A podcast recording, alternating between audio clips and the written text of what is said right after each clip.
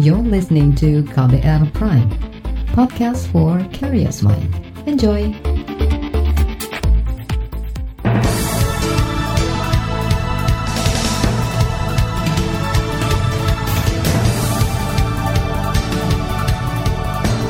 Selamat pagi saudara, senang sekali kami bisa menjumpai Anda kembali melalui program Buletin Pagi edisi Kamis 12 November 2020 bersama saya Agus Lukman. Sejumlah informasi pilihan telah kami siapkan, di antaranya pemerintah menyiapkan mitigasi bencana erupsi Gunung Merapi. Presiden Jokowi menyebut Indonesia masih tertinggal di bidang teknologi keuangan atau fintech. Kepolisian kesulitan mengotopsi jenazah pendeta yang tertembak di Papua. Inilah Buletin Pagi selengkapnya terbaru di Buletin Pagi.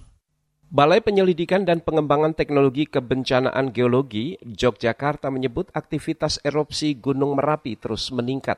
Kepala BPPT Kebencanaan Geologi Yogyakarta Hanik Humaida mengatakan aktivitas vulkanik Merapi saat ini hampir mirip dengan gejala sebelum letusan Merapi pada 2006. Hanik juga menyebut erupsi Merapi kali ini juga berpotensi berupa erupsi efusif atau erupsi keluarnya magma tanpa disertai ledakan. Ya, jadi ini berbeda antara 2006, 2010 dan saat ini. Nah, yang jelas 2006 efusif lava, kemudian eh, apa ada awan panas, kemudian 2010 itu adalah eksplosif. Nah, untuk yang saat ini ini eh, kita belum tahu persisnya seperti apa, tapi kemiripannya karena ini kan masih sedang berlangsung ya. Jadi belum tahu persis seperti apa ini, tapi kemiripannya adalah dengan 2006, tetapi kemungkinan akan adanya eksplosif juga. Kepala BPPT Kebencanaan Geologi Hanik Kumaida mengatakan, rekomendasi daerah aman bagi aktivitas warga adalah di luar radius 5 km dari puncak Gunung Merapi. Sejak pekan lalu, saudara, kondisi Merapi sudah dinaikkan dari level 2 atau waspada menjadi siaga atau bahaya level 3. Badan Nasional Penanggulangan Bencana BNPB mengklaim sudah memiliki rencana kontingensi atau rencana darurat untuk setiap ancaman gunung api di tanah air, termasuk erupsi Gunung Merapi.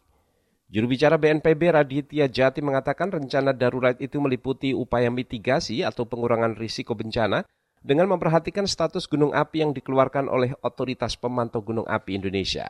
Nah, contoh yang sekarang dilakukan di Merapi adalah pada status itu e, harus dilakukan evakuasi dalam radius tertentu yang memang ditetapkan sebagai daerah yang e, paling rawan dan itulah yang menjadi tanggung jawab kita semua termasuk bukan hanya BPDD tapi juga uh, pemerintah daerah khususnya mempunyai tanggung jawab untuk memberikan uh, membangun keselamatan atau mencegah terjadinya korban dengan melakukan evakuasi secara uh, dini sebelum terjadi letusan yang lebih. Juru bicara Badan Nasional Penanggulangan Bencana Raditya Jati menyatakan yang menjadi tantangan dari pemerintah saat ini adalah penanganan bencana saat pandemi. Masyarakat pengungsi diminta tetap menjalankan protokol kesehatan selama di lokasi pengungsian. Sementara itu, pemerintah Kabupaten Sleman, Yogyakarta terus berupaya memberikan perlindungan kepada masyarakat pasca meningkatnya aktivitas Gunung Merapi. Bupati Sleman Sri Purnomo mengatakan Dinas Perhubungan setempat telah menetapkan jalur evakuasi. Dinas Perhubungan Kabupaten Sleman juga memasang barrier street di piloan jalan tersebut.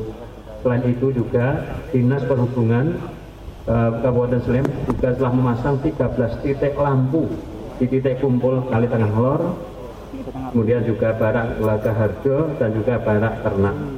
Disbuk juga menutup jalan ke area pertambangan guna memperlancar proses evakuasi. Bupati Sleman Sri Purnomo menambahkan Dinas Kesehatan juga menyiagakan puskesmas untuk tanggap darurat Merapi terutama untuk penanganan kesehatan para pengungsi, termasuk menyiagakan 30-an unit ambulan. Di lain pihak, Saudara Badan Penanggulangan Bencana Daerah Provinsi Jawa Tengah menyiapkan skenario penanggulangan erupsi Gunung Merapi seperti yang pernah dilakukan saat erupsi besar Merapi tahun 2010 lalu. Pelaksana tugas harian Kepala BPBD Jawa Tengah Safrudin mengatakan, skenario disiapkan berdasarkan prediksi letusan Merapi dari Otoritas Pengawasan Kegunung Apian. Saat ini pemerintah provinsi mengungsikan lebih dari seribu orang warga dari sembilan desa yang diperkirakan akan terdampak erupsi Merapi. Mereka tersebar di Kabupaten Magelang, Boyolali, dan Klaten. Jadi kalau di, di atas kertas kan karena sekarang terkait dengan ancaman Merapi, teman-teman BPBD Kabupaten di tiga kabupaten itu sudah menyusun rencana kontingensi, gitu ya. Jadi semua sudah sudah ada perencanaannya terkait dengan uh, ancaman itu. Jadi mereka punya rencana kontingensi yang disusun dengan skenario tahun 2010. Cuma sekarang kan yang mungkin luput dari skenario itu adalah bahwa ancaman Merapi ini bersamaan dengan pandemi. Pelaksana tugas harian Kepala BPBD Jawa Tengah Safrudin menjelaskan pemerintah daerah juga menutup 20-an kawasan wisata yang berada di zona bahaya Merapi. Penutupan objek wisata dilakukan sejak Senin lalu hingga waktu yang tidak ditentukan. Sementara itu masyarakat penanggulangan bencana Indonesia MPBI menilai upaya pemerintah dalam menjalankan mitigasi tanggap darurat bencana erupsi Merapi sudah menunjukkan kemajuan. Meski begitu, anggota MPBI Kokok Rahmandi mengatakan pemerintah harus mematangkan penyusunan rencana kontingensi atau rencana darurat agar identifikasi ancaman yang terjadi sesuai dengan skenario yang dijalankan. Ia mengingatkan pada erupsi Merapi di 2010 lalu, di mana skenario tanggap darurat, baik itu evakuasi hingga pengungsian, berbeda dengan hasil identifikasi dalam rencana yang disusun. 2010 itu sudah ada renkon juga, tetapi renkon yang dimiliki itu tidak sesuai dengan skenario yang terjadi. Jadi kalau renkon yang 2008 waktu itu disusun, itu radius yang harus diungsikan itu radius 7 km. Tetapi ternyata eksplosifnya lebih besar, sehingga yang tadinya ada 17 titik barak pengungsian mundur lagi menjadi sekitar berapa 50 atau 70 titik tanggal 5 November 2010 itu lebih besar lagi. Anggota Masyarakat Penanggulangan Bencana Indonesia MPBI Kokok Rahmandi mengatakan ada beberapa hal yang masih harus dioptimalkan oleh pemerintah dalam menanggulangi bencana erupsi Merapi. Di antaranya penyediaan fasilitas pengungsian yang layak dengan rasio satu fasilitas untuk maksimal 15 orang. Saudara Undang-Undang Cipta Kerja dikhawatirkan membuka peluang kapal asing masuk dan beroperasi di perairan Indonesia. Informasinya kami hadirkan sesaat lagi tetaplah di Buletin Pagi KBR. You're listening to KBR Pride, podcast for curious mind. Enjoy!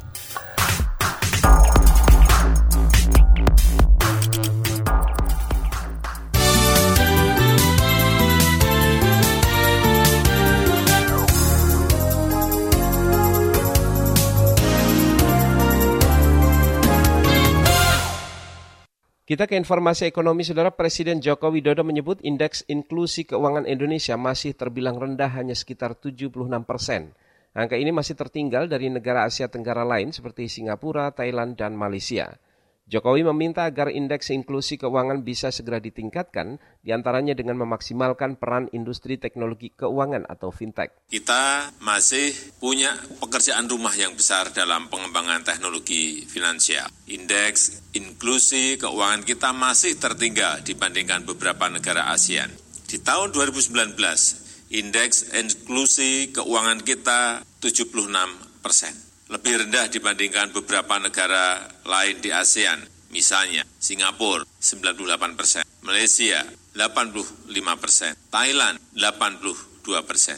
Presiden Jokowi juga menambahkan tingkat literasi keuangan digital di Indonesia juga masih rendah karena hanya berada di kisaran 35 persen.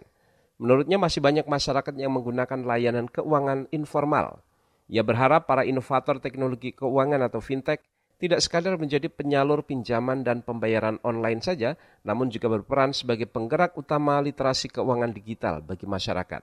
Kita ke informasi lain, Undang-Undang Cipta Kerja dikhawatirkan membuka peluang kapal-kapal berbendera asing memasuki zona ekonomi eksklusif atau ZEE e Indonesia dan beroperasi di dalam negeri. Sekretaris Jenderal Lembaga Koalisi Rakyat untuk Keadilan Perikanan Kiara, Susan Herawati mengatakan, kapal-kapal asing dan ex-asing bisa bebas beroperasi dengan izin pemerintah.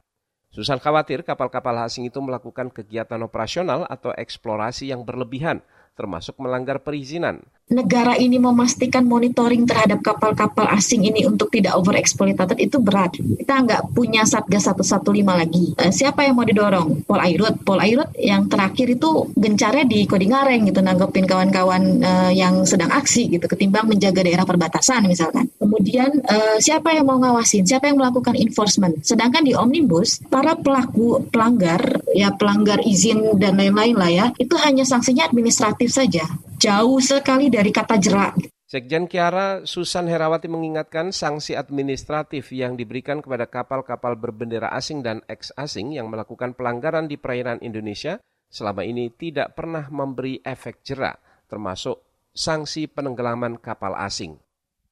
Sejumlah organisasi buruh tanah air akan kembali melakukan aksi guna menuntut pemerintah dan DPR mencabut serta membatalkan undang-undang tentang cipta kerja. Presiden Konfederasi Serikat Pekerja Indonesia KSPI Said Iqbal mengatakan, para buruh berencana kembali menggelar serangkaian unjuk rasa dan mogok kerja nasional untuk menuntut pemerintah membatalkan undang-undang tersebut. Aksi-aksi ke depan akan dilanjutkan sesuai eh, konstitusional, terukur, terarah. Aksi ini adalah aksi yang non-violence, anti kekerasan. Oleh karena itu sekali lagi kami meminta kepada Hakim Mahkamah Konstitusi memutuskan dalam sidang judicial review tentang Undang-Undang Nomor 11 Tahun 2020 tentang Cipta Kerja itu adalah dicabut, dibatalkan sebagaimana yang diminta oleh KSPI melalui gugatan uji material. Presiden KSPI Said Iqbal mengatakan aksi-aksi para buruh akan digelar oleh kelompok buruh bertepatan dengan pelaksanaan sidang uji materi Undang-Undang Cipta Kerja yang nanti akan digelar di Mahkamah Konstitusi. Sebelumnya, kelompok buruh sudah melayangkan gugatan uji materi Undang-Undang Cipta Kerja ke Mahkamah Konstitusi pada 2 November lalu. Kita ke informasi lain, saudara memasuki masa tanam di musim penghujan ini, para petani mengeluhkan sulitnya memperoleh pupuk bersubsidi. Himpunan Kerukunan Tani Indonesia HKTI menyebut ada temuan masalah pada distribusi pupuk bersubsidi menggunakan kartu tani. Sekretaris Jenderal HKTI Sadar Subagyo mengatakan masih banyak petani yang kesulitan mengakses pupuk menggunakan kartu tani. Temuan kami di lapangan, ya kartu tani harusnya bagus, tetapi implementasinya seperti tadi sudah disebutkan, ada IDC yang rusak, ada IRDKK, itu dari sisi kartu tani, belum semuanya memiliki kartu tani. Sekretaris Jenderal HKTI Sadar Subagyo menambahkan temuan lain adalah saat ini rata-rata alokasi pupuk yang diterima petani tidak sesuai dengan kuota yang dibutuhkan. Misalnya pupuk urea hanya tersedia 60 hingga 80 persen dari kuota, sedangkan pupuk PMPK hanya 30 persen saja yang tersedia. Pupuk SP25 sampai 30 persen dan pupuk ZA hanya 30 persen yang tersedia dari kuota. Kita ke mancanegara, saudara pemerintah Filipina akan mengevakuasi ribuan warga yang tinggal di Pulau Catanduanes di kawasan Kepulauan Luzon. Evakuasi dilakukan guna menghindari topan FAMCO. Evaluasi terkendala karena wilayah Pulau Catanduanes sebelumnya sudah dilanda topan Goni pada dua pekan lalu. Otoritas pemantau cuaca memperkirakan topan Famko akan menyebabkan hujan lebat di kawasan Luzon dan kawasan sekitarnya pada Rabu malam hingga Kamis pagi. Otoritas meteorologi juga memperkirakan potensi bencana susulan seperti banjir, tanah longsor hingga badai di sepanjang pantai timur dan ibu kota Manila akibat topan Famko. Kita ke informasi olahraga, Saudara. Konfederasi Sepak Bola Asia AFC memastikan jadwal turnamen sepak bola Piala Asia U19 tahun 2020 akan berlangsung di Uzbekistan pada, pada 3 hingga 20 Maret mendatang. Turnamen juga akan diikuti oleh Timnas Indonesia U19. Keputusan itu diambil dalam rapat virtual Komite Kompetisi AFC pada Rabu kemarin. Gelaran Piala Asia U19 2020 Sebelumnya dijadwalkan digelar pada Oktober tahun ini, namun turnamen ditunda karena pandemi COVID-19. Laporan khas KBR bertajuk Inisiatif Gerakan Sejuta Tes Antigen akan kami hadirkan sesaat lagi, tetaplah di Buletin Pagi KBR. You're listening to KBR Pride, podcast for curious mind. Enjoy!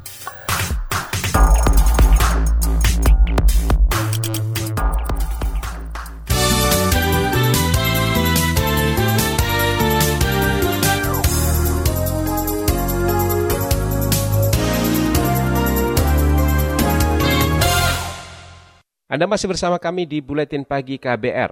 Saudara, akhir September lalu, Organisasi Kesehatan Dunia WHO merekomendasikan alat tes antigen untuk memperbanyak pemeriksaan COVID-19. Alat ini dinilai punya tingkat akurasi tinggi, relatif murah, dan bisa menjangkau daerah pelosok. Di Indonesia muncul inisiatif gerakan sejuta tes antigen untuk warga tidak mampu. Seperti apa gerakan ini? Berikut laporan tim KBR dibacakan Valda Kustarini. Akhir Oktober lalu, muncul Gerakan Solidaritas Sejuta Tes Antigen untuk Indonesia. Inisiatornya dari Gerakan Indonesia Kita atau GITA. Gerakan itu bertujuan memfasilitasi penyediaan alat tes cepat antigen secara cuma-cuma bagi warga tak mampu. Ini sekaligus meningkatkan kapasitas tes di Indonesia yang masih rendah. Komite Gerakan Solidaritas, Alif Iman Nur Lambang. Kami ingin sebanyak mungkin orang melakukan pengujian terhadap tubuhnya apakah sudah terpapar virus penyebab COVID-19 atau belum. Karena kita saat ini kan sudah mulai banyak yang beredar ke mana-mana dan jauh sebelum itu kita memang juga tidak tahu sebetulnya seberapa tinggi penularan COVID-19 di Indonesia. Mengingat angka yang dilaporkan setiap hari itu kan agak kurang reliable. Tes usap antigen dipilih karena tingkat akurasinya tinggi. Kelebihan lain, alat tes ini dapat menjangkau daerah-daerah yang tak memiliki laboratorium PCR. Tentu saja, ia tidak menggantikan PCR tes, tetapi Ya, WHO menegaskan atau merekomendasikan agar uh, alat swab antigen yang memiliki akurasi di atas 80% itu bisa digunakan terutama di tempat-tempat yang memang sulit sekali memiliki alat atau laboratorium PCR. Sejumlah tokoh ambil bagian dalam gerakan ini, di antaranya epidemiolog Panduryono, aktivis perempuan Anita Wahid, hingga sutradara film Joko Anwar. Mereka menggalang donasi dari masyarakat, baik individu maupun lembaga. Dana yang terkumpul dibelikan alat tes antigen dan didistribusikan ke puskesmas di seluruh Indonesia. Alif memastikan bakal memprioritaskan kerjasama dengan produsen alat tes antigen dalam negeri, asalkan sudah mendapatkan izin edar dari Badan Pengawas Obat dan Makanan. Kita berupaya untuk menjalin hubungan dengan beberapa produsen agar dapat memberikan alat uji swab ini dengan harga produksi kita akan bekerja sama dengan dinas-dinas kesehatan agar bisa didistribusikan ke puskesmas-puskesmas. Bagaimana kategori puskesmasnya, daerah mana, tentu saja Satuan Tugas Penanganan COVID-19 memiliki data yang lebih konkret untuk itu. Kami menyerahkannya kepada mereka. Hingga 7 November kemarin, sudah terkumpul donasi lebih dari 55 juta rupiah. Sebagian telah disalurkan dalam bentuk 195 unit alat tes antigen ke berbagai daerah kita tuh ingin agar sebanyak mungkin orang yang melakukan testing dan khusus untuk mereka yang memang tidak memiliki dana pribadi untuk melakukan testing itulah yang kemudian oleh gerakan ini turut dibantu. Sementara itu, petugas pelacakan COVID-19 di Yogyakarta, Nur Subagio mengaku jarang menggunakan tes cepat antigen saat bertugas. Menurutnya, alat itu lebih cocok digunakan untuk pemeriksaan awal alias screening kalau untuk screening, screening di masyarakat seperti itu. Karena daripada kita misalnya gini, pada suatu populasi beresiko, misalnya daerah merah, kita tidak mungkin langsung melakukan swab semua ya kan. Pertama keterbatasan tenaga juga ya, SDM labnya nanti numpuk di lab. Nah, akhirnya tujuannya ya udah kita tentukan dengan melakukan screening dengan rapid test. Epidemiolog Balai Besar Teknik Kesehatan Lingkungan dan Pengendalian Penyakit Yogyakarta ini mengatakan, Dinas Kesehatan daerah sudah mulai menggunakan tes cepat antigen sejak direkomendasikan Organisasi Kesehatan Dunia WHO. Untuk di tingkat Dinas Kesehatan sudah diberlakukan untuk proses screening. Jadi Dinas Kesehatan itu penentuan penyarian kasus ada dua konsep ya Mbak ya dengan ACD active case detection. Kalau active case detection itu kita mencari kasus di masyarakat dengan melakukan screening. Biasanya harus diawali dengan rapid test tadi. Kalau yang passive case detection itu adalah kontak tracing. Misalnya ada laporan kasus dari rumah sakit A merawat kasus positif COVID. Nah kemudian pihak dinas melakukan kontak tracing. Menurutnya, tes antigen paling tepat dilakukan pada orang yang sudah bergejala antigen itu reaksi tubuh ketika terinfeksi itu biasa muncul setelah hari ke-14 ya di hari di atas hari ke-10. Dan pada infeksi awal itu munculnya IgM, imunoglobulin M. Nah, IgM makanya ada rapid test IgM sama IgG. Nah, jadi untuk rapid test itu sebetulnya tergantung pada situasi apa pertama ya ditentukan pada idealnya sih 14 hari setelah terinfeksi, jadi sudah muncul gejala. Jadi kalau kurang dari 14 hari, kadang-kala bisa muncul negatif palsu. Jadi bagaimanapun juga untuk penentuan tes harus tetap menggunakan PCR, karena itu standarnya di situ. Demikian laporan tim KBR, saya Valda Kustarini. Informasi dari daerah akan kami sajikan usai jeda. Tetaplah di Buletin Pagi KBR. You're listening to KBR Pride, podcast for curious mind. Enjoy!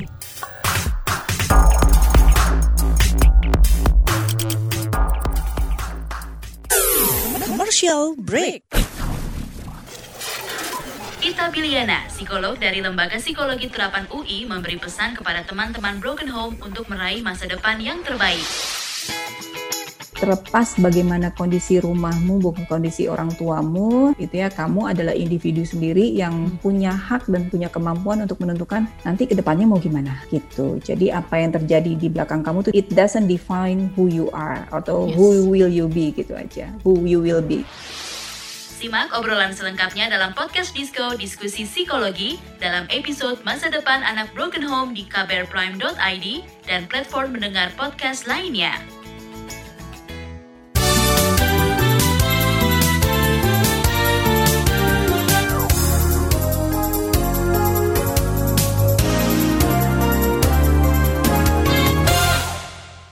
Inilah bagian akhir buletin pagi KBR. Kita ke Papua.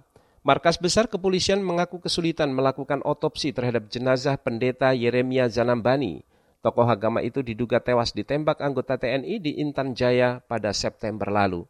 Juru bicara Mabes Polri Awi Setiono menyebut keluarga korban menolak otopsi dan ini mempersulit polisi mengusut sebab kematian pendeta tersebut. Nah, inilah yang menjadi permasalahan di dalam proses penyidikan. Bagaimana kita menentukan kematiannya kalau tidak ada otopsi. Sebab-sebab kematiannya kita bisa temukan nanti setelah otopsi. Ya, sampai sekarang kita belum belum tahu itu. Kalau bicara terkait dengan misalnya penembakan, kemudian eh, yang bersangkutan meninggal, kita kan harus buktikan. Dan ahli harus bicara itu. Yang bersatu meninggalnya karena apa? Karena tertembak itu karena apa? Karena apa? Ya kita lihat. Juru bicara Mabes Polri Awi Setiono mengatakan polisi masih berunding dengan keluarga pendeta Yeremia agar mengizinkan jenazah diotopsi. Polisi sebelumnya berencana mengotopsi jenazah Yeremia di Rumah Sakit Bayangkara Makassar di Mimika. Namun menurut polisi, keluarga menolak otopsi karena alasan budaya. Sesuai kepercayaan mereka, jasad yang sudah dikubur tidak boleh diangkat lagi. Kita ke Aceh, saudara. Kepolisian daerah Aceh menangkap pelaku perdagangan satwa liar dilindungi senilai lebih dari 6 miliar rupiah. Kapolda Aceh Wahyu Widada mengatakan pelaku merupakan warga Kabupaten Bener Meriah berinisial DA. Tersangka dan barang bukti ditangkap petugas di Aceh Tengah pada selasa lalu. Kapolda Aceh Wahyu Widada menambahkan penangkapan bermula dari informasi masyarakat mengenai aktivitas perdagangan satwa di Kabupaten Bener Meriah. Penangkapan tersangka dilakukan bekerja sama dengan Kementerian Lingkungan Hidup dan Kehutanan. Sementara itu, pejabat di Kementerian Lingkungan Hidup menduga perdagangan dan perburuan satwa dilindungi ini melibatkan banyak aktor antar negara. Kita ke Jawa Tengah. Satgas COVID-19 Kabupaten Cilacap meminta masyarakat mewaspadai munculnya klaster penularan baru yaitu klaster keluarga dan perusahaan. Sebelumnya pemerintah daerah sudah disibukkan menangani penularan klaster pesantren. Kepala Dinas Kesehatan Kabupaten Cilacap, Pramestri Griana Dewi mengatakan, klaster keluarga dan perusahaan muncul cukup banyak. Ia mengatakan penanganan klaster keluarga dan perusahaan lebih sulit, seperti lokasi yang berbeda, sulitnya mengontrol mobilitas, serta faktor usia penderita dan keberadaan penyakit bawaan. Saya harus katakan pesantren. Pesantren itu karena uh, terlokalisir sama ya. Uh, kemudian itu tadi santrinya muda dan tidak ada yang punya komorbid. Itu luar biasa. Anu apa bedanya dengan yang sepuh dan saya yang sepuh apalagi punya penyakit komorbid itu kadang-kadang tiba-tiba ngedrop jelas itu karena satu lokasi kita mengisolasinya di satu tempat Kepala Dinas Kesehatan Kabupaten Cilacap Pramesti Griana Dewi mengklaim Satgas COVID-19 telah melakukan pelacakan, pemeriksaan, dan juga penanganan untuk mencegah penularan COVID-19. Informasi tadi menutup jumpa kita di Buletin Pagi hari ini. Pantau juga informasi terbaru melalui kabar baru, situs kbr.id, Twitter kami di akun @beritaKBR serta podcast di alamat kbrprime.id. Akhirnya saya Agus Gulukman, kami undur diri. Salam.